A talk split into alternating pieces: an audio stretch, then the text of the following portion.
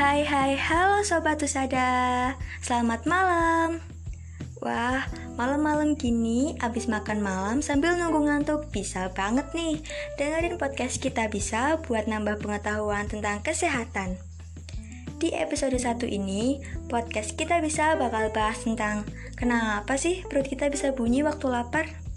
Kata orang-orang sih itu bunyi cacing yang pada demo minta makan Hmm, emang bener ya? Jadi gini loh sobat, ketika kita lapar, secara alami perut kita akan mengeluarkan bunyi. Hal tersebut terjadi karena sistem pencernaan dalam tubuh melakukan gerakan mendorong makanan yang disebut gerak peristaltik.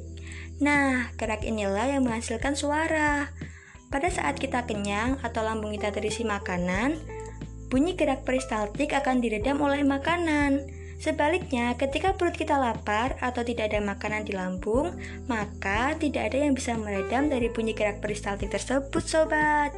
Sehingga perut kita menghasilkan suara. Oh, jadi bukan bunyi cacing ya, Kak? Ya bukan loh. Jadi jangan salahin cacing lagi ya, apalagi sampai minum obat cacing pas lagi lapar. Mending makan aja deh. Makan makanan yang bergizi supaya daya tahan tubuh kita tetap kuat.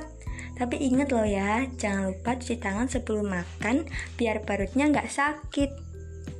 Sekian dulu ya episode satunya. Terima kasih sudah berkenan dengar. Selamat malam dan selamat beristirahat.